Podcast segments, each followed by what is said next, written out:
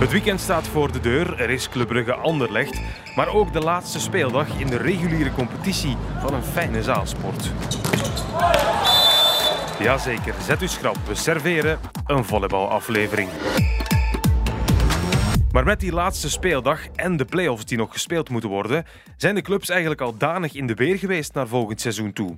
Want zes van de negen ploegen zullen volgend seizoen een nieuwe coach aan het roer hebben. Wel, in de pakweg 25 jaar dat ik het Belgische volleybal van nabij volg, heb ik het nooit meegemaakt. Dat was trouwens de vertrouwde stem van mijn oud-collega en ondertussen mede-podcaster Mark Willems. Ik ben Mark Willems, zo'n 25 jaar gewerkt als sportjournalist bij Sporza en daar het volleybal van nabij gevolgd. Nu met pensioen, maar eh, enthousiaste jonge podcastmaker. Samen met Dominic Bains hebben wij een volleybalpodcast tweemansblok. En wat onze nieuwsgierigheid deed opwekken was de overstap van Frank de Pestelen. Hij gaat op het einde van het seizoen van Menen naar Aalst. Straks meer over die specifieke transfer, maar eerst en vooral wat meer duiding over eigenlijk de hele trainerscarousel in het volleybal. Ik heb het ook nog aan eh, Dominic Bains, die zijn geheugen gaat nog een paar jaar verder dan het mijne. Hij zegt ook nooit meegemaakt. Nooit meegemaakt. Van de negen ploegen in de liga zijn er nu al zes die van coach wisselen. Drie zullen waarschijnlijk een coach houden, al is dat ook nog niet bij alle drie de clubs bevestigd.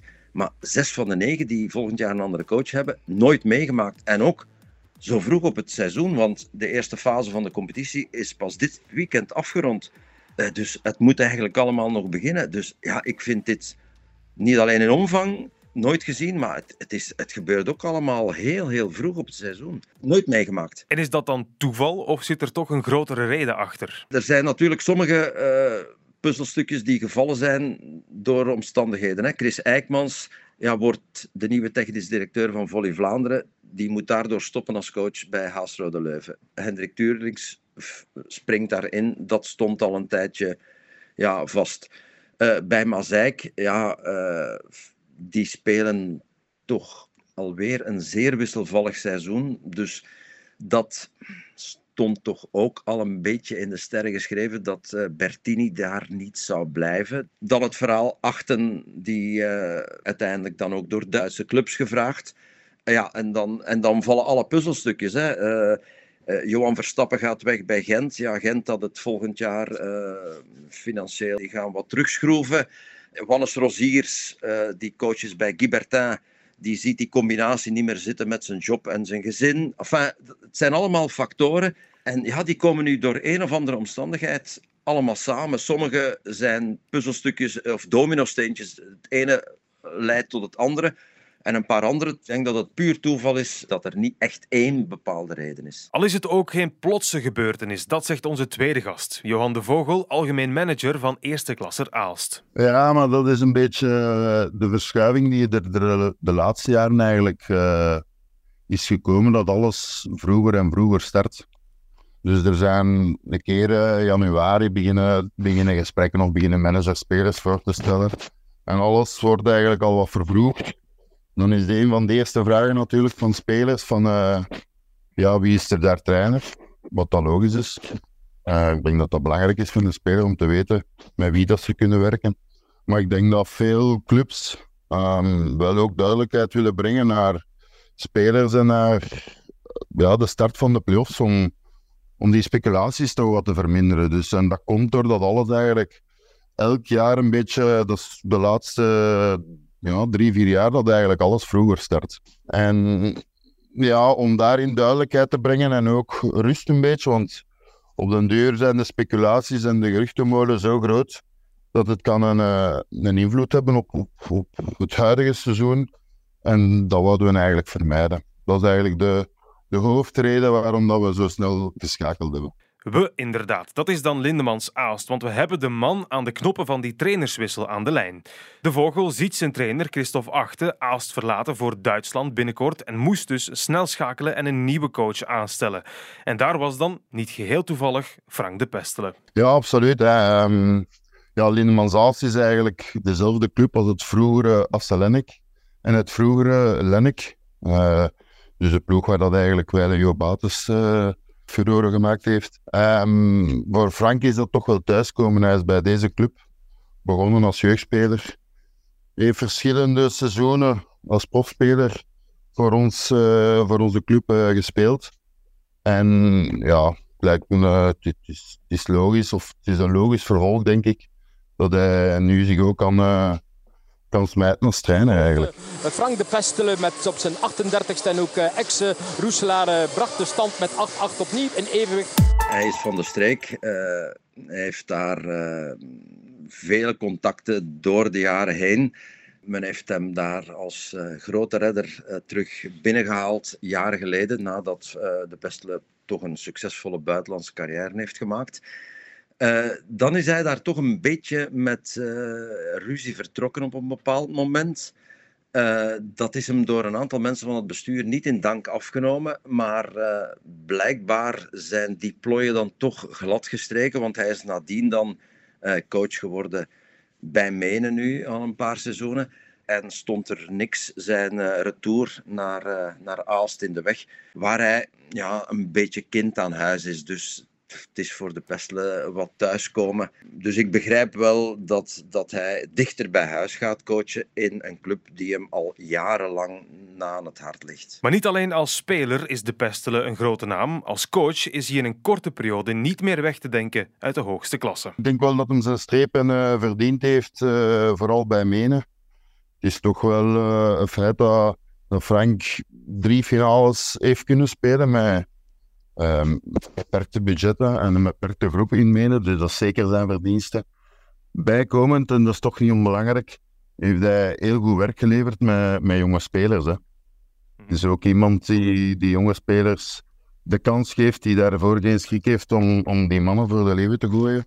En in dat verhaal willen wij eigenlijk wel meegaan. Wij ja, mikken toch ook vooral op uh, jonge Belgische spelers. En dan denk ik dat dat een, eh, een hele goede match kan zijn. Maar is de Pestelen ook een stap vooruit voor Aalst? Is de Pestelen nu een betere coach dan Achten? Ja, dat, dat weet ik niet. De Pestelen heeft uh, met Menen nu toch al uh, twee jaar op rij de bekerfinale gespeeld. dat zijn toch al zekere adelbrieven ja, we zullen zien of hij uh, met Aalst uh, volgend seizoen uh, dezelfde resultaten kan neerzetten als met Menen in het verleden. Het is moeilijk die twee coaches te vergelijken. Ik mm. zou niet durven zeggen dat Pestelen een betere coach is dan Achten. Dat, dat moet de toekomst nog gaan uitwijzen. Koffiedik kijken, zoals dat heet. Logisch ook, want het volgende seizoen is nog ver af. Maar in de play-offs die eraan komen, schuilen er nu door deze transferaankondigingen ja, complotdenkers op de loer ja, ik zie maar één wissel waar eventueel, maar dan moet het toch heel voorzichtig zijn, waar een addertje onder het gras uh, schuilt. Dat is ja, de transfer van Frank de Pestelen naar Aalst. Als we in een situatie zouden verzeild geraken, maar het is met veel voorwaarden en zou en, en zo verder. Als het zou tot een situatie komen dat Menen tegen Aalst een beslissende wedstrijd moet spelen met het oog op de play-off finale ik ga er voor alle duidelijkheid, en dan moet ik toch echt onderstrepen, Olivier. Ik ga ervan uit, de Pestelen wil dit jaar met Menen het maximale bereiken. Hè. Mhm. Daar ga ik vanuit. En is dat de play-off finale, dan, dan zal hij dat nemen. Maar er gaan altijd wel mensen denken van ja, maar hij gaat volgend jaar bij Aalst. En als, eh, als Aalst dan die beslissende wedstrijd gaat winnen tegen Menen, ja, dan speelt Aalst playoff finale, gaan die Champions League volgend jaar spelen, kan de Pestel volgend jaar Champions League met Aalst spelen. Dat zouden eventueel overwegingen kunnen zijn, maar ik ken de mensen in het volleybal uh, toch relatief goed. Ik, ik, ga ervan uit dat het spel eerlijk gespeeld wordt tot en met de laatste speeldag. Stel dat hij zo zou denken en aan ons een cadeau zou doen, dan zou ik me al uh, enorm als club vragen stellen. Want wat gebeurt er misschien binnen twee jaar als hij nog bij ons zit?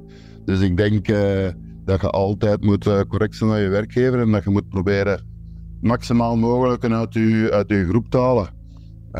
op die moment, ik zie dat juist tegenovergestelde. Ja. Zou niet zijn van zo'n signaal te geven, ik denk. Integendeel, je moet net hetzelfde voor Christophe of voor een andere trainer ik denk dat je ook vier zet op je werk, gespeeld of getraind of gewerkt een gans, een gans jaar met een groep. Ja, zo werkt dat niet, denk ik. Maar ja, daarvoor moeten we wat in een kleedkamer gezeten hebben. Maar ik denk dat dat uh, een beetje vergezocht is. Dat doosje gaan we dus opnieuw sluiten. Wijselijk, denk ik. Maar een andere, misschien terechte vraag die we ons stellen. Wat voor waarde heeft de spanning in het huidige seizoen nog? Ik verklaar me nader. Mazijk bijvoorbeeld, dat zegt in de communicatie over nieuwe trainer Gurtsen dat ze volgend seizoen eindelijk weer titelambities zullen koesteren. Leggen sommige teams zich dit seizoen toch al neer bij een nieuwe landstitel voor Roeselare? Dat zou dus heel gevaarlijk zijn als de mensen van Roeselare zo denken en die denken zo niet. Uh, maar laat ons eerlijk zijn, Roeselare is momenteel de enige constante in de, in de Belgische competitie.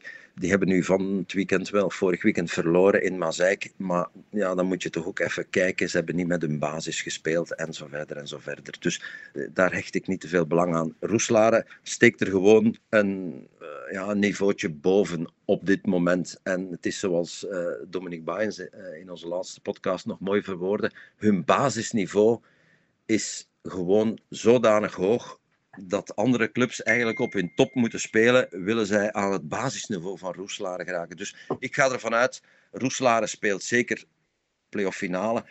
En ik zie momenteel geen enkele ploeg in staat om Roeselare in een best of five van de titel te houden. U zegt het terecht. Ik denk dat Roeselare zeker is van een uh, finale playoffplaats. Uh, omdat ze er toch wat bovenuit steken. Maar aan de andere kant zie ik, allee, zien we aan de resultaten dat eigenlijk alle ploegen gelijk zijn. Hè. Uh, wij hebben mooie resultaten neergezet, maar aan de andere kant hebben wij ook vier thuiswedstrijden verloren. Zijnde tegen Achel, Gens, Menen en Roeslaren. Dus als je dat bijvoorbeeld hebt in de playoffs, ja, dan ben je er sowieso niet bij bij de eerste twee. Ja. Dus wou ik moet nu opnieuw beginnen. En ik denk dat elke ploeg um, ja, die in de playoffs staan, dat die kans maken. Nu, buiten Roeselare zal het volgens mij vooral gaan tussen Mazeik, uh, Aalst, Menen en Leuven, denk ik. Roeselare is de te kloppen ploeg, maar spannend kan het zeker nog worden. En als het niet is voor dit seizoen, dan misschien in 2024, 2025. Want met de stoelendans bij de trainers is het vooral uitkijken naar welk team het boeiendste verhaal kan schrijven. Ja, naar de van ons, denk ik. dat is een beetje... Uh gekleurd antwoord dan. Nee, ik, maak me sterk dat, dat met Frank uh, dat wij de, de juiste persoon op de juiste de plaats hebben. Ik denk ook dat het ideale moment is uh, voor Frank om een stap hoger te zetten. Wij zijn toch samen met, met en Mazijk um, ja, op en top prof, een professionele club.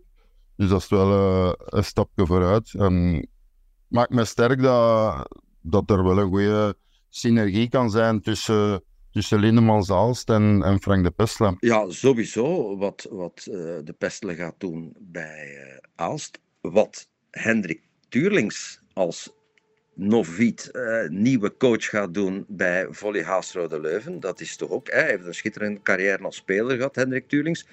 Maar gaat nu een ambitieuze club in de liga coachen. En dan een, uh, een derde uh, nieuweling waar ik toch ook naar uitkijk. Mazijk gaat volgend jaar Guido, Guido Gurtsen als trainer krijgen, Nederlander. voor jongere mensen misschien een onbekende naam, maar Gurtsen was wel lid van het Nederlandse team dat in Atlanta Olympisch kampioen geworden is. Dus dat is geen kleine naam in het volleybal. Als speler geweldige trofeeën binnengehaald, hè, Olympisch kampioen onder meer. Als coach nog geen grote naam, dus ik ben eens benieuwd wat hij gaat uh, met Mazij kunnen doen volgend seizoen. Dus daar kijk ik toch ook wel naar uit. En ik naar het weekend. Geniet ervan. Tot de volgende Sportza Daily.